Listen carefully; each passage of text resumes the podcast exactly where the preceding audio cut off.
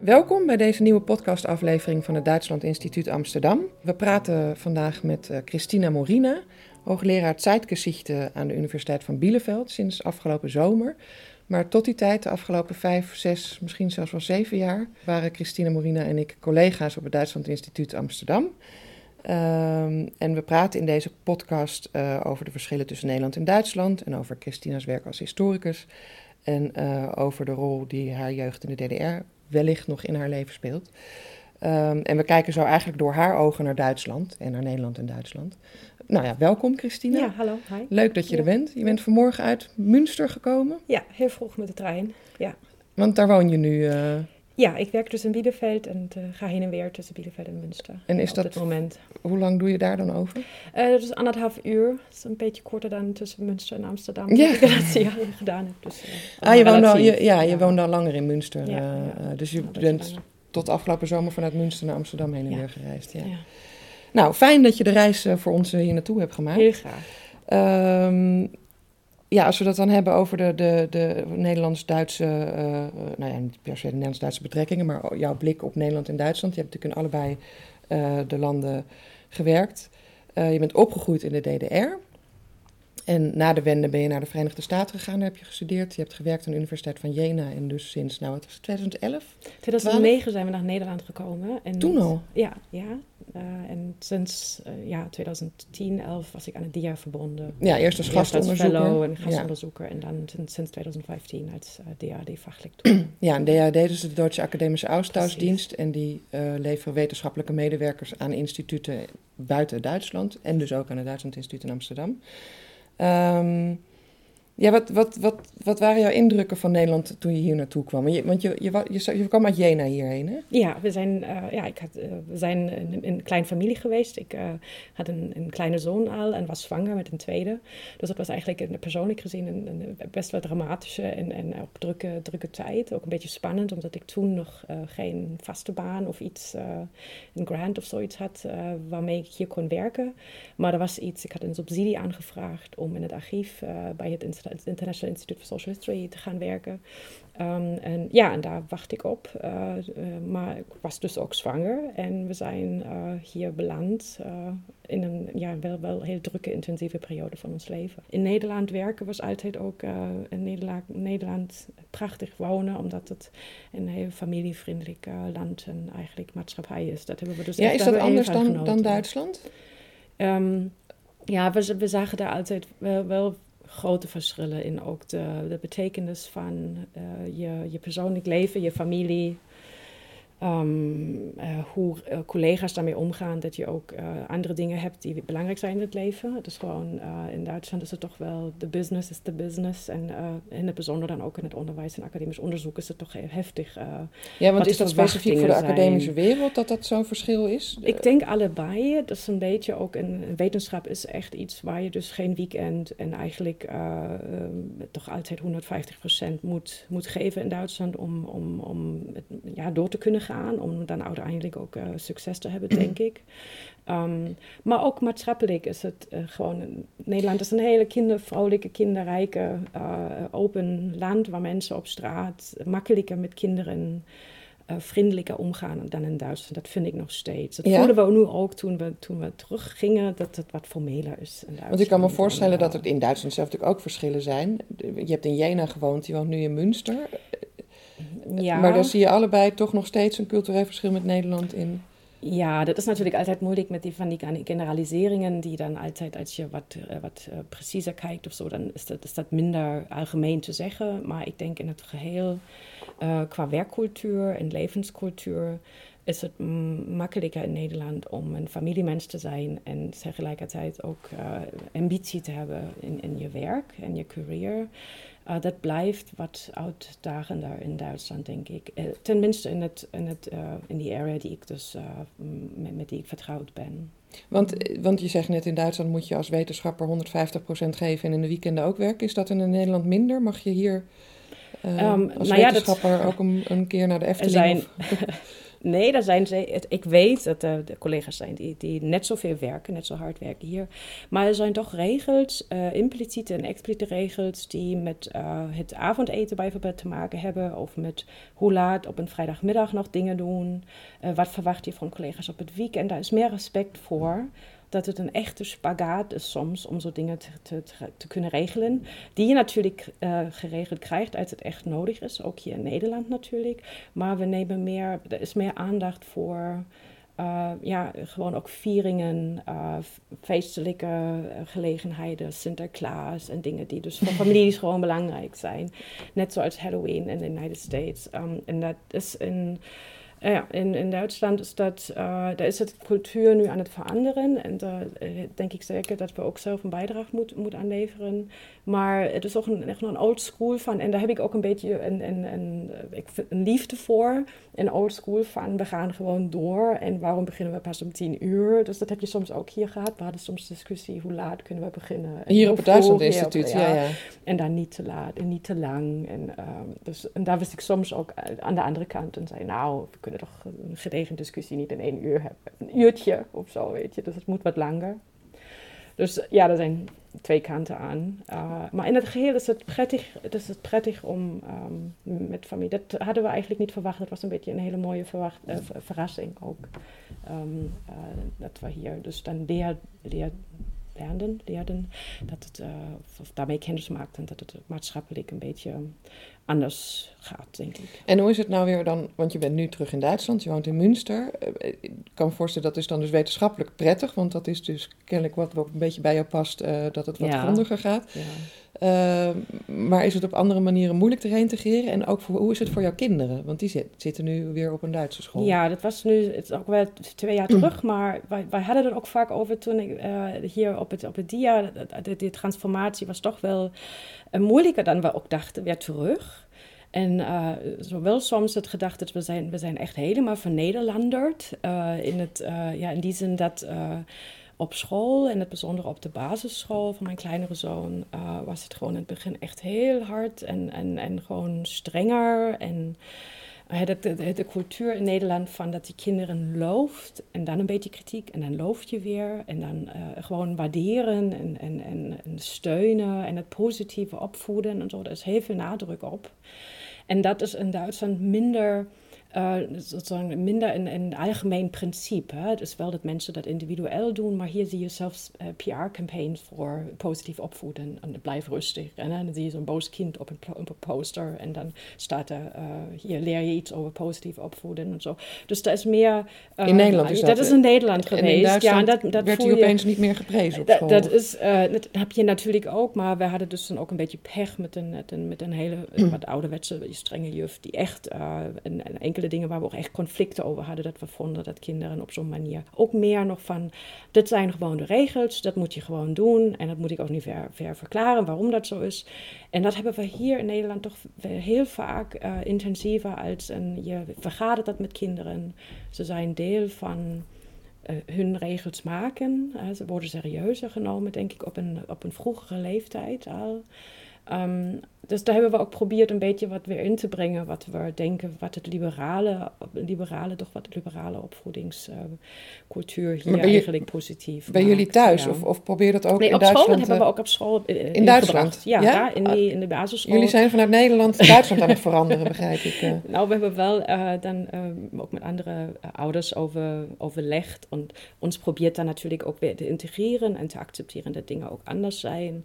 Um, maar ik, we hadden dan ook wel enkele gesprekken waar we ook sommige dingen ook echt noemden die we misschien vooraf uh, niet op die manier hadden gezien. Dat je het ook op die manier kunt bereiken. En hoe dus reageren kind, ze daar dan in Duitsland op? Wat, wat? Uh, verrast. Uh, bijvoorbeeld op het, op het perspectief dat regels misschien meer geaccepteerd worden als een kind zelf meedenkt en me meespraakt, meespraak heeft, um, inspraak heeft over, over de regels. Um, dat zo expliciet, expliciet te horen, dat voelden wij toen wel. Dat is wel een beetje ongebruikelijk daar. In, in die, tenminste in die hoek van, van waar we nu zijn. En ik kom uit uh, Pras, Pros, hoe zeg je, Prussia? Preußen? Pruisen, ja. Pruisen, uh, ja.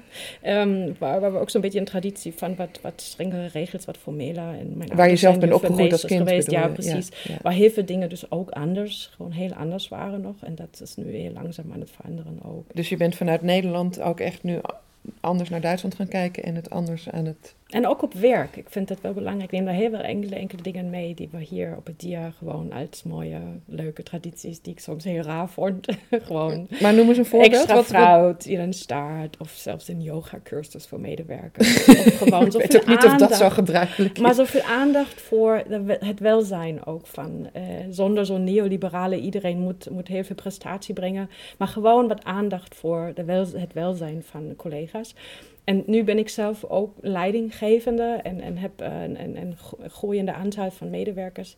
In Bielefeld? in Bielefeld. En ik probeer, en ook veel vrouwen die het uh, nog steeds moeilijk hebben, waar het dus helemaal niet zelfsprekend is dat mensen gewoon met op kinderen ophalen en zodat het allemaal te regelen is. En daar probeer ik een sfeer te creëren die dat uh, allemaal geen probleem uh, in eerste instantie maakt, maar iets wat geregeld moet worden en wat erbij hoort. Dus, en, en hoe kijkt, vind, vinden mensen dat, ik bedoel, vinden ze dat verrassend in Duitsland? Want dat is toch ook daar al ietsje langer bezig, omdat misschien iets meer ervoor te zorgen dat vrouwen uh, en overigens ook mannen, mannen werk en gezin beter kunnen combineren? Of is dat, merk je dat dat echt iets nieuws is? Nou, dat kan ik nog niet zo echt zeggen, omdat het maar heel kort is en ik eigenlijk alleen maar positieve uh, uh, contacten en, en ervaringen eigenlijk heb met, met de collega's daar gemaakt. En Bielefeld is ook een universiteit die diversiteit, integratie, hoe zeg je, dus equal rights, gelijkbehandeling, uh, heel hoog op het programma heeft staan. En ik heb dat in het proces van solliciteren ook meerdere keer ook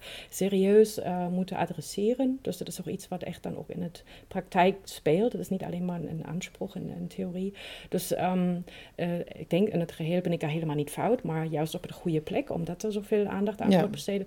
Maar op een, dus, dus een dagelijkse academic uh, level is het toch dan vaak nog uh, dat dan alle dingen belangrijker zijn dan waar, moet ik nou privé na vijf uur zijn of zo. En daar wil ik ook wat qua, scheduling van evenementen die dan niet, niet na zes uur of zo. Hier in Nederland vaak was het dus een kwestie tussen zes en acht doe je gewoon niks. En dat is ondenkbaar nog steeds. Dat is een hele programma elke avond die doorgaat van vier tot tien uur nog voor verschillende collega's. En dat is dus denk ik een traditie die nou, plus, uh, plussides heeft. Dat is zeker ook iets wat uh, rijk is aan, uh, aan, aan, kennis gewoon en uitwisseling. Maar waar we ook misschien als we zelf iets kunnen regelen, een beetje meer moeten over nadenken of het niet ook in de ochtend kan of zo. Of we het ja. niet ook kunnen verschuiven en daar wat, wat praktisch een beetje wat veranderingen kunnen, kunnen brengen. Ja. Ja, dat is eigenlijk de best of both worlds dan. Uh, ja, nou, het, het strenge academische en het wat, wat liberalere, gezinsvriendelijke. Ja. Dat zou mooi zijn. Uh, uiteindelijk denk ik, uh, slaat aan mijn, mijn, mijn hart ook wel echt voor het, voor het serieuze. Gewoon soms, ik heb zelf ook heel, heel vaak, ik werk s'avonds en op het weekend, dat hoort wel erbij. En dat zeg ik ook vaak tegen, ook tegen mensen hier in Nederland heb ik dat, uh, tegen de promovendi en zo heb ik gezegd, het hoort wel erbij dat je zo'n beetje, dat is je leven. Als je wetenschap doet. Dan, oh, en hoe werd daar hierop gereageerd? Een fulltime baan. Nou, het is... Um, um, positief. Uh, mensen weten dat eigenlijk als ze dat willen aangaan. Zeker ook met de internationalisering van de Nederlandse academische uh, arbeidsmarkt, waar steeds meer mensen van het vanuit het buitenland solliciteren en ook aangenomen worden, wat ook een beetje spanningen oplevert. Nou, dat is begrijpelijk. Uh, begrijpelijk. Um, maar het heeft natuurlijk ook een leuke kant. Het heeft te maken met enthousiasme en met passie voor wat je doet. En het moet niet alleen maar negatief zijn als werk en leven zo in elkaar vloeien, denken. Eh, denk ik, als je daar bewust mee omgaat, denk ik, is dat ook iets wat, uh, wat inderdaad ook eh, gewoon een andere gewoon levensstijl kan zijn. En dat heb ik wel een beetje geprobeerd ook te, promo te promoten, uh, om ook mensen daarvan bewust, bewust, te maken dat het daarbij hoort. Dat het een beetje ook Duits een beetje in Nederland te, te brengen. Nou ja. Je woont en werkt dus nu eigenlijk voor het eerst in West-Duitsland. Um, hoe is dat? Word je, word je daar geconfronteerd met het feit dat je opgegroeid bent in de DDR of dat je een Oost-Duitse achtergrond hebt? Of speelt dat een rol in je leven, in je werk? Uh, ja, dat speelt professioneel gezien natuurlijk een rol, omdat ik mij met, met de politische, politieke cultuurgeschiedenis van, van Duitsland en in het bijzonder Oost-Duitsland bezighoud. Uh, ik heb zelf persoonlijk eigenlijk nooit een ervaring gemaakt, wat heel veel andere Oost-Duitsers blijkbaar maken, dat ik op een negatieve manier met, met Ossie zijn geconfronteerd werd. Dat heb ik eigenlijk nooit meegemaakt. Of als er maar zo'n momentje was waar mensen een beetje irriteerd uh, waren over waar ik vandaan kom, of was het meteen aanleiding voor een gesprek. En dan, je krijgt toch mensen altijd bij hun eigen verhaal, of uh, het was nooit, ik heb me nooit eigenlijk gediscrimineerd gevoeld. we horen ondertussen, van, dat moet ik eh, even zeggen, we horen allemaal geschuif. We zitten hier op een gebouw van de Universiteit van Amsterdam, er lopen studenten door de gangen. er wordt, er wordt hierboven ons met tafels en stoelen geschoven.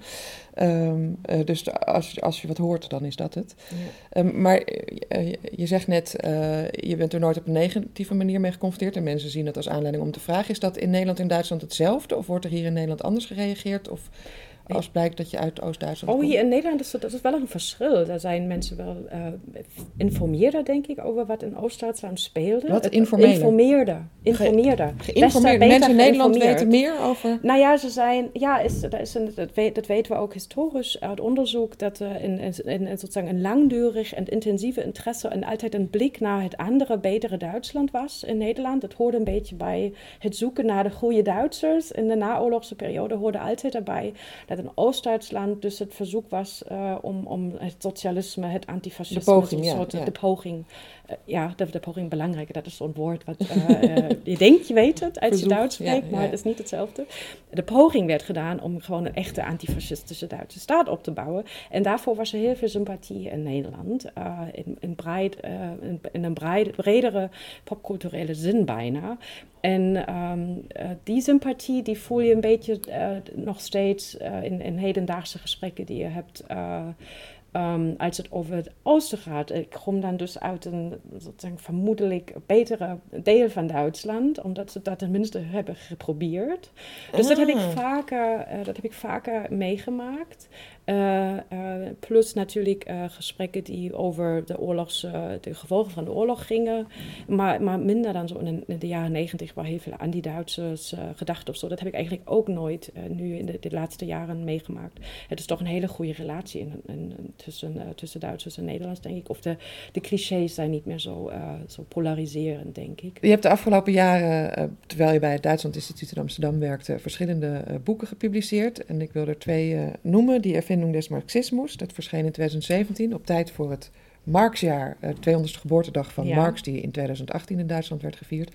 En begin dit jaar het Zo Recht Zeit over rechtsradicalisme in Oost- en West-Duitsland. En ook dus na de Tweede Wereldoorlog en ook na de uh, vereniging.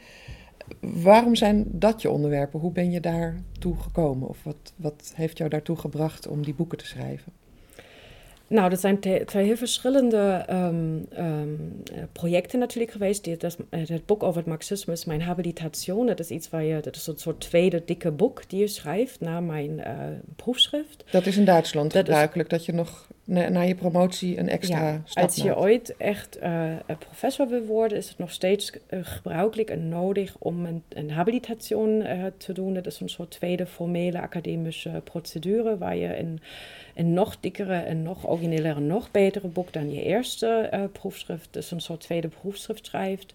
Um, en die, waar je ook niet echt meer een advisor hebt, maar je, je, bent zelfstandig aan het werken, maar je moet het dus door een faculteit, door een department doorkrijgen als een, uh, een nog serieuzere bijna, of een net zo serieuze uh, academisch werk als je proefschrift. En dat is dus iets waar mensen dan heel vaak ook zes, zeven, acht jaar aan werken en schrijven. En ik heb dus hier in mijn, in tijd dus heel veel onderzoek daarvoor gedaan. En met heel veel plezier dus op het dia gewerkt, maar ook uh, altijd nog geschreven. En dat boek dus um, na zeven of acht jaar inderdaad uh, dan afgemaakt. Um, en dat, is, dat, dat pakt dus een beetje een motief op die ik al in mijn proefschrift had bewerkt, namelijk de relatie tussen politiek en, en biografische ervaringen. Um, en ik wilde dus weten wat de, het, het, marxisme als een soort uh, an, an, ja, een, een werkelijkheidsideologie en, en een, een, poging om de werkelijkheid te studeren en dan ook werkelijk te veranderen. Ik wilde dus weten wat mensen die dat, uh, die, die ideologie volgden eigenlijk van de sociale werkelijkheid uh, wisten en waarom juist Marx um, teksten zo populair werden toen. En dus heb de eerste generatie van uh, intellectuellen, intellectuele Marxisten toen in Europa bestudeerd. Um, en dat, misschien heeft dat wat te maken met dat ik ooit zelf ook zo'n soort marxistische opleiding heb gemaakt. Maar er is geen directe verband. Dus het wordt nu vaker gevraagd. Dat ik je marxistische, je bedoelt dat je in de DDR bent opgegroeid met een... Ja, ja, en mijn ouders vonden het een tijd echt lang ook vreselijk. Om die, al die namen, werd Kautsky en Plechanov en zo. Dat zijn allemaal namen geweest die eigenlijk Luxemburg en zo. Die, die op een manier vertrouwd uh, waren die, die niet prettig was voor, voor mensen die dus onder het communisme uh, naar, naar school gingen. Uh, maar je kunt dus de dingen ook allemaal op een andere manier bestuderen. Dus dat heb ik dus op een hele andere wetenschappelijke manier, manier gedaan. En daar is zeker een verband, maar die is niet makkelijk en die is niet... Uh, een verband met, je, met je jeugd in de DDR gewoon, je, ja, ja, ja, ik vond het, ik heb het ook zelf thematiseerd aan het eind van het boek. Um, dat het ook interessant is om daarover na te denken nu, uh, uh, terugblikkend. Maar het is niet, um, de insteek was een en, en, niet puur wetenschappelijk, maar toch wel iets wat uh, uit een historiografische debat uitkwam. Waar dit Marxismus-historiografie eigenlijk iets wat was helemaal ouderwets en conventioneel en, en, en um, um, saai geworden was in mijn, in mijn ogen. En dat heb ik geprobeerd een beetje op te frissen. En de Zur rechten tijd is eigenlijk een boek dat helemaal aan het, sozusagen aan het andere eind van de geschiedenis, namelijk in het, in het hedendaagse leven is uh, geboren en, en opgekomen. Namelijk na de, na de succes van de, van, de, van de rechtspopulisten in 2017. Daar was ik al... Bij de Bondsdagverkiezingen. Daar waren we, ja. genau. Ja, ik was daar al een beetje bezig met een nieuw project vinden en had mij bezig gehouden met de meer recentere Duits-Duitse geschiedenis um, in een Europese context. En dan kwam dus de uitnodiging ook van Norbert Vrij om mee te werken aan een, aan een gezamenlijke boek. Norbert Vrij, is, de... Vrij is de historicus in Jena, met wie ik heel, heel lang samen heb gewerkt. Ja. Mijn habilitation is dus in Jena. Ik heb ze daar in Jena ingediend. En Norbert, je hebt dan altijd een, een leerstoel of een professor nodig die dat um, uh, begeleidt. En dat was, he, wat, wat was hem lang. En ik heb heel veel andere projecten met hem samen gedaan.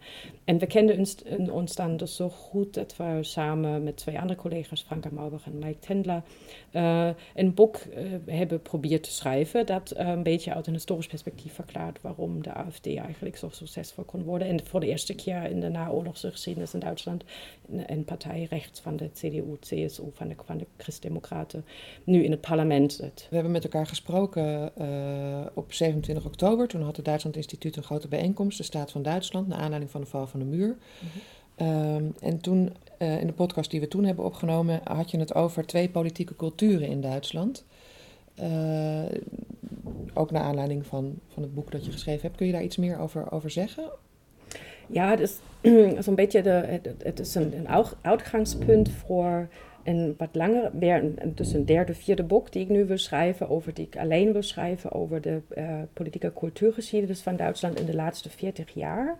Ik probeer dus in de jaren 80 te beginnen um, en over de val van de muur heen in een echt van het begin ook Duits-Duitse blik uh, te onderzoeken, um, met, met een, te onderzoeken wat eigenlijk de politieke cultuur en de tradities zijn die de ontwikkelingen in, in Duitsland sinds de vereniging dan ook mee kunnen helpen te verklaren. En ik uh, denk dat we te weinig aandacht hebben besteed tot nu toe aan wat mensen, gewone mensen, Henk en Ingrid zou je dan in het Nederlands zeggen, autonormaalverbraucher, over zichzelf als burger en over politiek, over de staat, over wat democratie is, dat we daar als historici te weinig aandacht hebben aan besteden. We hebben dus dan de demoscopen en de sociaalwetenschappen die dus dan altijd vragen welke, welke partij ga je, ga je kiezen, um, wat vind je goed aan de democratie, wat niet. Maar dat zijn dan altijd zo'n momentaufnamen, zo snapshots. Um, en eigenlijk een wat diepere, historisch en ook wat bredere, niet op een elitendiscours, maar op een bredere, de gewone bevolking in blik nemen. Dus ook met ego-documenten, met dagboeken, met brieven um, aan parlementen, aan de bundespresident, aan uh, uh, petitionsausschüsse, wat dan dat ook in Nederland is, geen idee. Uh, dus, petition, dus commissies die in de parlementen, in het parlement zitten, petitionsausschuss. Ik, daarvoor, ik weet het Nederlandse woord ook niet meer. Die voor dus de burgerparticipatie verantwoordelijk zijn. Daar probeer ik dus een aantal bronnen die massaal zijn, waar we heel veel hebben. Dus massale petities van burgers naar, naar parlementsausschüssen, bijvoorbeeld commissies in een parlement. Die probeer ik te bestuderen, systematisch een beetje te analyseren, om te achterhalen uh, wat nou het precieze politiek- en democratiebegrip in Oost- en West-Duitsland is. Ja, dat doe je dus van alle ondertussen wordt hierboven weer met allerlei tafels geschoven. um, maar we kunnen je nog steeds verstaan.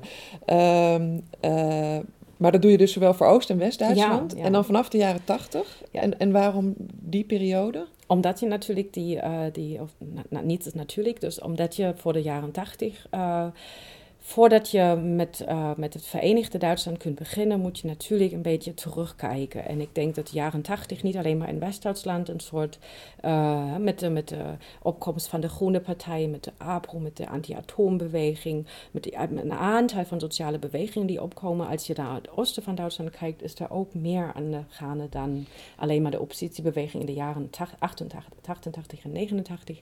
Dat het een maatschappij was die ook uh, heel erg um, um, bewogen was en bevlogen was met hoe kunnen we dingen veranderen en verbeteren, maar dan op een heel andere manier. En dus die twee verschillende soorten van beweegde gezelschap, van dus... Uh, uh, een samenleving in beweging. Ja, ja. ja dat is een beetje zo'n uitgangsthese die ik heb.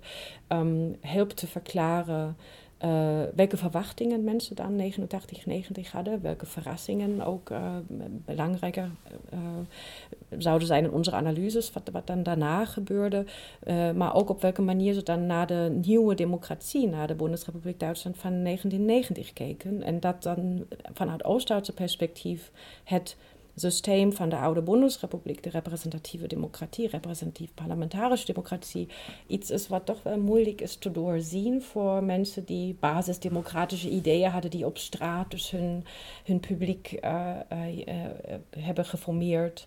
En die Met protest op straat in, in de DDR. hebben ervaren. Ja. Precies, die revolutie van 89 is dus eigenlijk op, door, door gewoon op straat gaan of het, het land verlaten, um, eigenlijk met je voeten is gemaakt. En zo'n ervaring van als we maar allemaal samen uh, openbaar zijn, dan kunnen we iets veranderen. Maar dat is nog niet politiek in een democratische zin. Hè. Dat dan te, te, kunnen leren en te moeten leren, is een proces die historici tot nu toe nog weinig hebben bestudeerd. En daar probeer ik dus een, een, een monografie over te schrijven. Maar vanaf de jaren 80 en dan tot en met nu? Tot en met, dat is nog uh, af te wachten hoe lang dus, en ik, dat, dat boek, uh, hoe lang ik dus nodig heb om het te schrijven. Maar um, misschien wel uh, tot 2017, tot de censura van dat dan. Ja, nee, ik nog uh, niet tot wenden, maar echt gewoon. Ook nee, over de, ja, ja, de, laatste, toch de laatste decennia en een soort contemporaire geschiedenis, echt, die ook de 21ste eeuw echt een blik neemt. Dit nu ook al 20 jaar oud. Dus. En je zei net, er is, er is heel veel materiaal dat je kunt bestuderen, ook in de jaren 80, uh, ook, ook ego-documenten en nou ja, wat mensen ook allemaal uitwisselen met politici. Heb je dat ook voor de DDR? Ja, ja, dat zijn, dat zijn ook er zijn een aantal gepubliceerde um, burgerbrieven, dus letters of, of uh, brieven die, die burgers hebben geschreven, die niet. Uh, je had zo'n categorie Eingaben in de DDR, wat een systeem was waar mensen dus gevraagd werden, ook door de staat, om hun problemen en zorgen en wensen te sturen. Maar daarnaast. Dus brieven die burgers schreven aan de staat? Aan de staat, aan de Volkskammerpresident, aan, uh, aan Erich Honecker, aan dus allemaal de head of state of. of instituties die dus uh, medezeggenschap hadden. Daar was dus een, een systemische proces of procedure voor.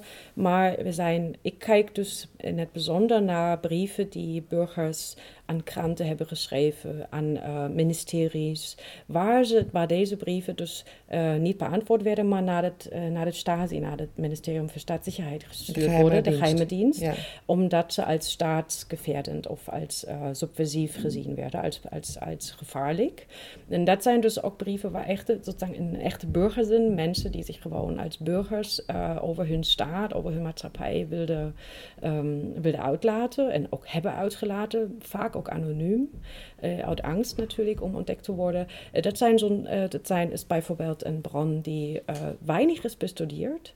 Um, uh, waar je heel mooie vergelijkingen kunt maken met, uh, met burgerbrieven in, West-Duitsland, waar mensen natuurlijk on, on, onvergelijkbaar meer vrijer waren om te schrijven, maar uh, waar je dus, je hebt zo'n soort burgerdiscursus op beide, beide kanten van de muur. En die met elkaar in relatie te zetten, niet op, een, op dezelfde level te zetten, maar toch wel in, met elkaar te vergelijken, is een, een mooie uitdaging die historici nog moeten doen. En je weet dat we een 30-jaar-regel hebben, dus we komen aan formele, officiële bronnen eigenlijk voor de laatste 30 jaar niet aan. Historici, de 30-jaar-regel is dat, je, je mag bronnen bestuderen van...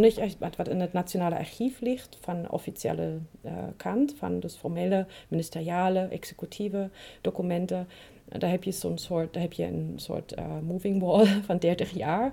Je kunt wel aanvragen om enkele dingen wat eerder te zien, maar dat is langdurig. En uh, dat is ook een reden waarom dus uh, vaak zo de laatste 30 jaar toch, toch nog niet in blik neemt. En vooral dan ook de verenigingsgeschiedenis toch vaak door sociologen, politologen op met andere methoden eigenlijk bestudeerd wordt. En daar is het dus echt hoge tijd voor de voor historici, denk ik, om dan gewoon wat creatiever te worden andere bronnen ook bij te halen. Om, om ook iets belangrijks te zeggen over de politieke cultuurgeschiedenis van Duitsland uh, in de laatste decennia. Spannend. En dat moet je naast je werk bij Bielefeld doen en je gezin. En ja, dat is dus nog niet af te zien wanneer dat uh, dus, uh, af te krijgen is. Maar ja. dat is een plan. Ja. Christina, hartelijk bedankt. je hebt heel veel verteld ehm, over nou ja, jouw blik op Duitsland, op Nederland en Duitsland. Uh, veel dank voor je uh, bijdrage aan deze podcast. En uh, u veel dank voor het, voor het luisteren.